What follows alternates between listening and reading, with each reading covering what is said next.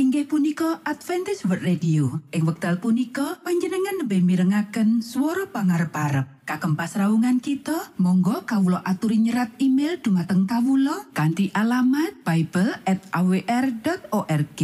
utawi panjenengan uki saged layanan kalian Kawulo lumantar WhatsApp kanti nomor plus setunggal saged layanan kalian Kawulo kalh kalh sekawan kalh kalh kalh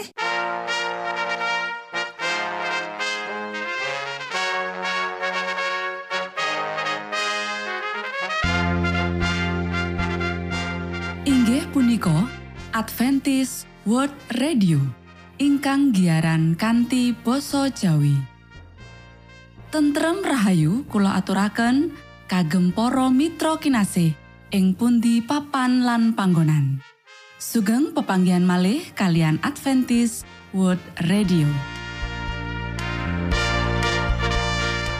Kanti bingahing manah Kulo badi sesarengan kalian poro mitra kinasi.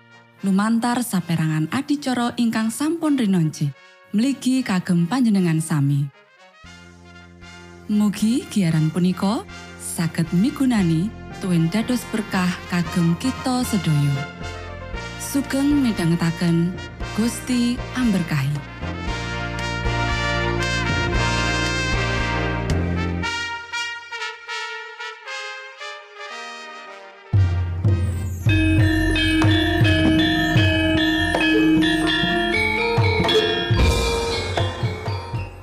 Para pamirsa kinasih ing Gusti Yesus Kristus. Ing wekdal punika, kita badhe sesarengan ing adicara ruang kesehatan. Ingkang saestu migunani kagem panjenengan saha kita sami. Tips utawi pitedah ingkang dipun aturaken ing program punika tetales dawuhipun Gusti ingkang dipunnyatakaken ing kitab suci. Semanten ugi sakehing seratan ingkang dipun wangsitaken dening Gusti Allah. Nanging saderengipun, monggo kita sami midhangetaken kidung pujian.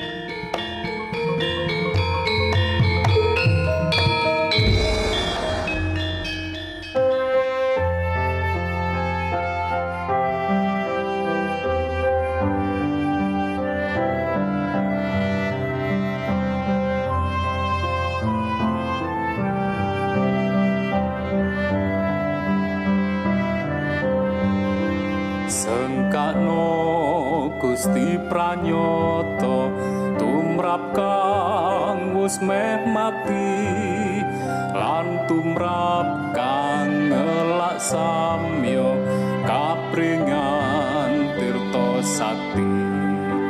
Manah kang asor lan suci Gusti mirsa lan nampi kang samyo wuto ing driya antuk pandulu mukti. Sengkakno asmeng pamarto ing ajenging projalmi. Sinupre mratobat samyo dados wargane Gusti. Sengkakno Gusti pranyata juru wilujeng jalmi mreh Gusti kapinanggih tumrap ingkang matosi kata tiang saking sami ngupati mreh basuki kanging sami marep mring Gusti sengkakno asmeng pamarto ing ajeng ing projalmi sinupre mratobat samyo tatus wargane Gusti. Sengkakno lan winartano putreng Allah kang suci Gusti panebus manungsa tan wonten kang ngandingi. Sampun rujatu sojalmi dekorban yo kang ati. Saoso puji gustinyo juru wilujeng jati. Sengkakno asmeng pamarto ing ajenging projalmi sinupre mratobat samyo dados wargane Gusti. Sengkakno lan winartano putreng Allah kang suci Gusti panebus manungso tan wonten kang ngandini sampun rujatus sojalmi dikurban yo kang ati saoso puji Gustinyo juru wilujeng jati. Sengkakno asmeng pamarto ing ajenging projalmi sinupre mratobat samyo dados wargane Gusti.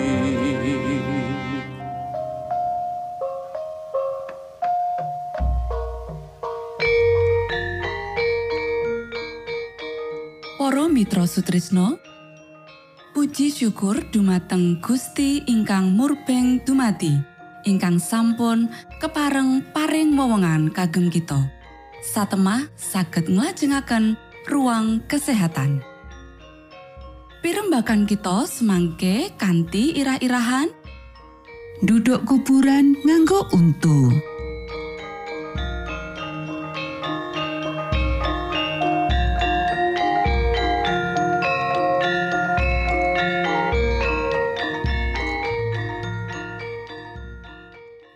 dumateng para pamiarsa ingkang dahat kinormatan sugeng pepanggian malih kalian kula Isti Kurnaidi ing adicara ruang kesehatan. Ing dinten punika kanthi irah-irahan duduk kuburan nganggo untu. Para sedherek ingkang kinasih awit amarga manungsa kurang wicaksana sakjroning bab mangan Mula saperangan wong ngalami saraf sing setengah lumpuh nganti mangkono dheweke ngantuk lan males-malesan. Para pandhita sing pasuryane pucet padha nandang sangsara akibat pemanjaan selerane ora meni saran reformasi kesehatan. Menawa wong makarya kebangetan abot, luwih apik dheweke mangan ping pisan kanggo menehi wewengan marang alam benerake awake. Para juru karya kita bisa nglakokake luwih akeh lumantar tulodo kanggo majuake reformasi kesehatan katimbang ngutbahake iku. Menawa sakabate kanthi sengaja nyediakake panganan kanggo dheweke, biasane dheweke kagodha kanggo nglanggar prinsip. Nanging kanthi nolak panganan mewah, panganan lesat-lesat, teh lan kopi, dheweke bakal mbuktekake awake dhewe dadi reformator kesehatan sing praktis. Saperangan lagi nandang sangsara, jalaran nerak angger-angger panguripan nganti ninggalake rereget sakjroning pakaryan reformasi kesehatan. Para sederek, pemanjaan sing luwih-luwihan sakjroning bab mangan, ngombe, turu utawa nyawang samu barang, ya iku dosa. Kabeh tindakan kuasa badan lan pikiran sing sehat lan harmonis bakal nggawa kabagian. Luwih murni lan luwih dhuwur kuasa iku, luwih murni lan luwih gedhe kabagian. Para sederek, akeh ing antarane pangon kita gagal ngenekake olahraga sing cukup sarta manjakake selera kanthi kakean mangan, iku sebab yo kene dheweke ngresula amarga lara. Dheweke ora mangerteni menawa cara sing mengkono mbebayakake awak sanadyan awak sing paling kuat. Dheweke sing asipat alon kaya iki kudu mangan luwih sedidik lan aja wedi olahraga. Akeh ing antarane pangon kita duduk kuburane dhewe nganggo untune dhewe. Kanti mangkono, momotan dipapanake ing sakdhuwure alat pencernaan nganti alat iku sengsara lan otak etuk siksaan sing abot.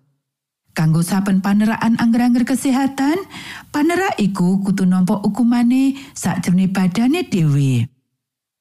Para sedherek ingkang kinasih, ing patamanan Eden, Adam lan Kowa nduweni bentuk awak sing endah, ayu, simetris lan sampurno.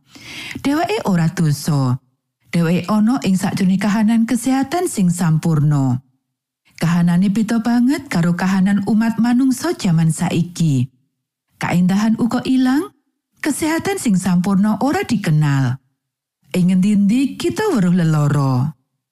Naliko aku takon apa sebab kamunduran iki, Gusti Allah balik nuding menyang patamanan Eden. Kowo sing ayu diapusi dening ula kanthi mangan wo saka siji-sijine wit sing ora dikeparengake Gusti Allah kanggo dipangan utawa dijamah supaya dheweke ora mati. Kowo duweni kabeh samubarang kanggo kabagiane. Dheweke diubengi dening woh-wohan maneka warna jinis. Nanging woh sing ora dikeparengake iku katone luwih nyenengake marang dheweke katimbang woh wit-wit liyane sing ana ing taman lan dheweke bisa mangan kanthi bebas. Dheweke ora tarak sakjroning bab kepinginane. Dheweke mangan bareng bojone sakwise dipengaruhi dheweke. Banjur loro-lorone kena ipat-ipat. Bumi iki uga kena ipat-ipat amarga dosane.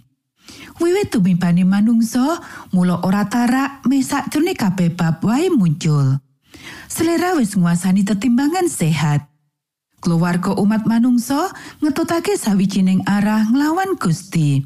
Lan kaya kawa sing wis diapusi dening setan kanggo ora ngajeni apa sing ora dikeparengake Gusti Allah sing wis ditetepake, dheweke gumunggung menawa akibate ora bakal gedhe kaya sing dikira.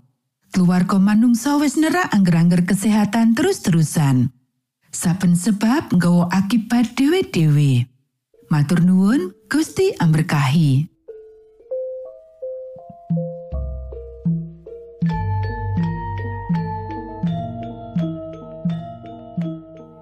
Cekap semanten pimbakan ruang kesehatan ing episode dinten punika. Ugi sampun kuatos jalaran kita badhe pinanggih malih ing episode sak lajengipun.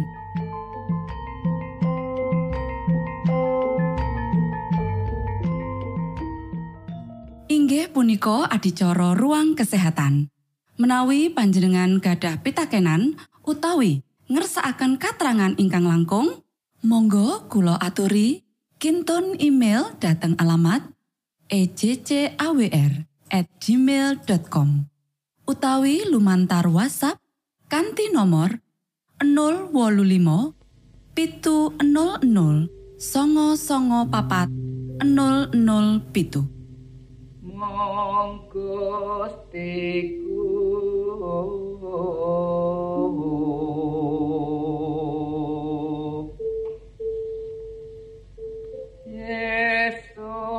stiku Yesus Kristus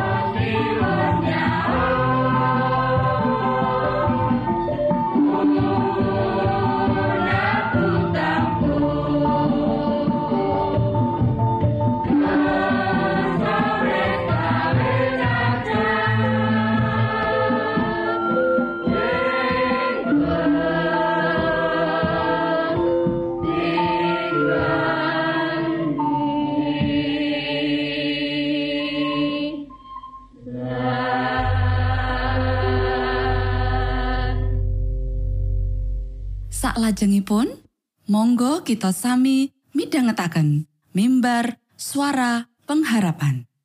Angkat napiri kanthi pawarto Sang Kristus paderamu.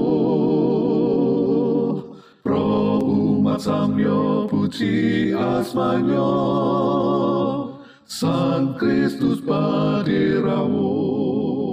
Inggih punika mimbar suara pengharapan. Ing episode punika kanthi irah-irahan Ing ngendi Gusti? sugeng tondo Sang Kristus paderamu ilmu kawero tambah tambah Sang Kristus paderamu paderamu paderamu Sang Kristus paderamu Shalom para sedherek ingkang kinasih wonten ing Gusti. Sakmenika kita badhe mitangetaken renungan Sabto pangantikanipun Gusti. Ing dinten punika kanthi irah-irahan ing ngendi Gusti? Para sedherek ingkang kinasih, ayo diwaca kitab Sabur pasal petang loro ayat loro nganti papat. Kados pangorongipun sangsam dateng toyaning lepen, inggih makaten kangening nyawa kula dumateng paduka doh Allah. Nyawaku ngorong marang Allah, marang Allah kang gesang. Besok kapan anggonku diparengake sowan ndeleng Gusti Allah? Lohku kang tak pangan rino lan wengi, awit satino muput aku dijalatoni ing wong mangkene. Allahmu ana ing endi? Para sedherek ingkang kinasih, ora mung kasangsaran pribadi lan umum sing nyusahake juru Mazmur. Nanging uga Gusti Allah kaya-kaya ora ngatosake karubetane abdine. Ora ana ni Gusti Allah krasa kaya rasa ngelak banget ing lemah kang garing. Sabur pasal petang loro ayat loro nganti papat lan pasal swidak telu ayat loro. Lan kasusahan fana Jabur pasal 100 loro ayat telu nganti limo. Juru Mazmur rumangsa disingkirake saka Gusti Allah lan bandingake awake dhewe karo manuk sing sepi. Kawula sampun kados peksi kontul wonten ing ora-ora samun saha peksi beluk wonten ing jugrugan. Kawula boten saged tilem lan sampun dados kados peksi kapencil ing payon. Sabur pasal 100 loro ayat pitu lan wolu. nyebut ora-ora samun nyorot rasa kapencil saka Gusti Allah. Peksi kapencil wonten ing payon, ana ing jaba susuh, papan kanggo ngaso. Juru Mazmur sesambat marang Gusti Allah, ambles ing rawa ingkang lebet. Kaya-kaya kebanjiran banyu sing gedhe lan klelep wonten ing toya ingkang lebet. Sabur pasal swidak songo ayat loro nganti papat lan pasal satu telu ayat siji. Para sederek, bab-bab kasebut nggambarake kahanan sing ora ana dalan metu kejaba cawe-cawe saka tangan ilahi. Para sederek, saibo ngitapi-tapi, para juru Mazmur mutusake ora meneng nalika ngadepi kaseben saka ing ngarsaning Gusti Allah. Juru Mazmur percaya marang pandonga. Marang pandonga ditujokake marang Gusti Allah sing gesang lan welas asih. Gusti Allah isih ana sanadyan ora katon. Panjenengane tetep Gusti Allah kang tansah miyarsakake pasambate wong-wong juru Mazmur ing mangsa biyen lan wong-wong iku padha ngandel tur yakin menawa Gusti Allah miyarsakake saiki. Para sederek kadangkala sirepe Gusti Allah ndadekake para juru Mazmur nitip preksa diri lan ngupati marang Pangeran Yehuwa Allah. Nanging kanthi pangakon lan panyuwun kang andhap asor, wong-wong iku mangerteni menawa Yehuwa Allah ora bakal kendel ing sak lawas-lawase. Kitab Sabur iki nuduhake menawa sesrawungan karo Gusti Allah tetep tanggon, ora peduli saka kahanan urip. Monggo kita sami ndedonga.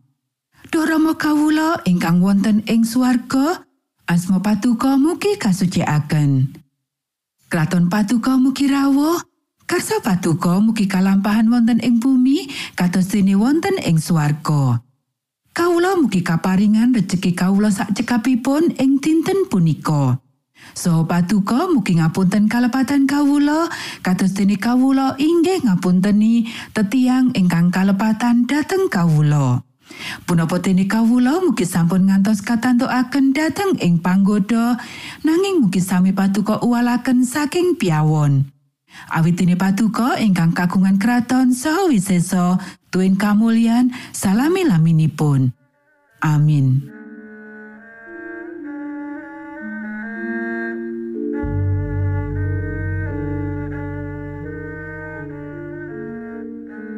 Para Mitra Sutrisno pamiarsa kinasih ing Gusti Yesus Kristus sampun paripurno pasamuan kita ing dinten punika menawi panjenengan gadah pitakenan utawi ngersakaken seri pelajaran Alkitab suara nubuatan Monggo Kulo aturi kintun email dateng alamat ejcawr gmail.com utawi lumantar WhatsApp kanti nomor 025 pitu 00 songo songo papat 00 pitu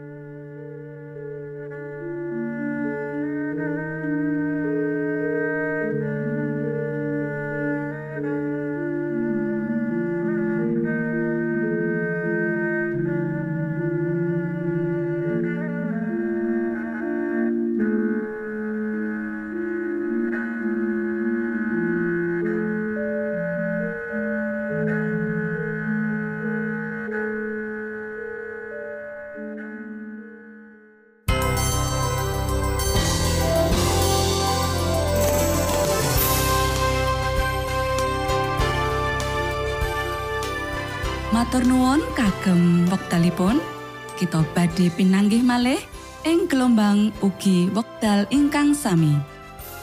Saking studio kula ngaturaken tentrem rahayu. Gusti amberkahi kita sedaya. Maranata.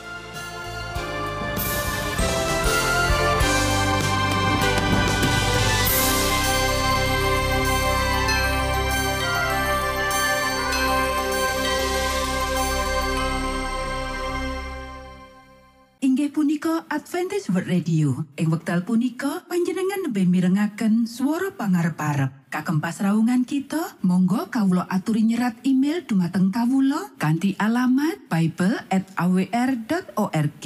Utawi panjenengan ugi saged layanan kalian kawula lumantar WhatsApp kanthi nomor plus setunggal saged layanan kalian kawula kalih kalih sekawan kalih kalih kalih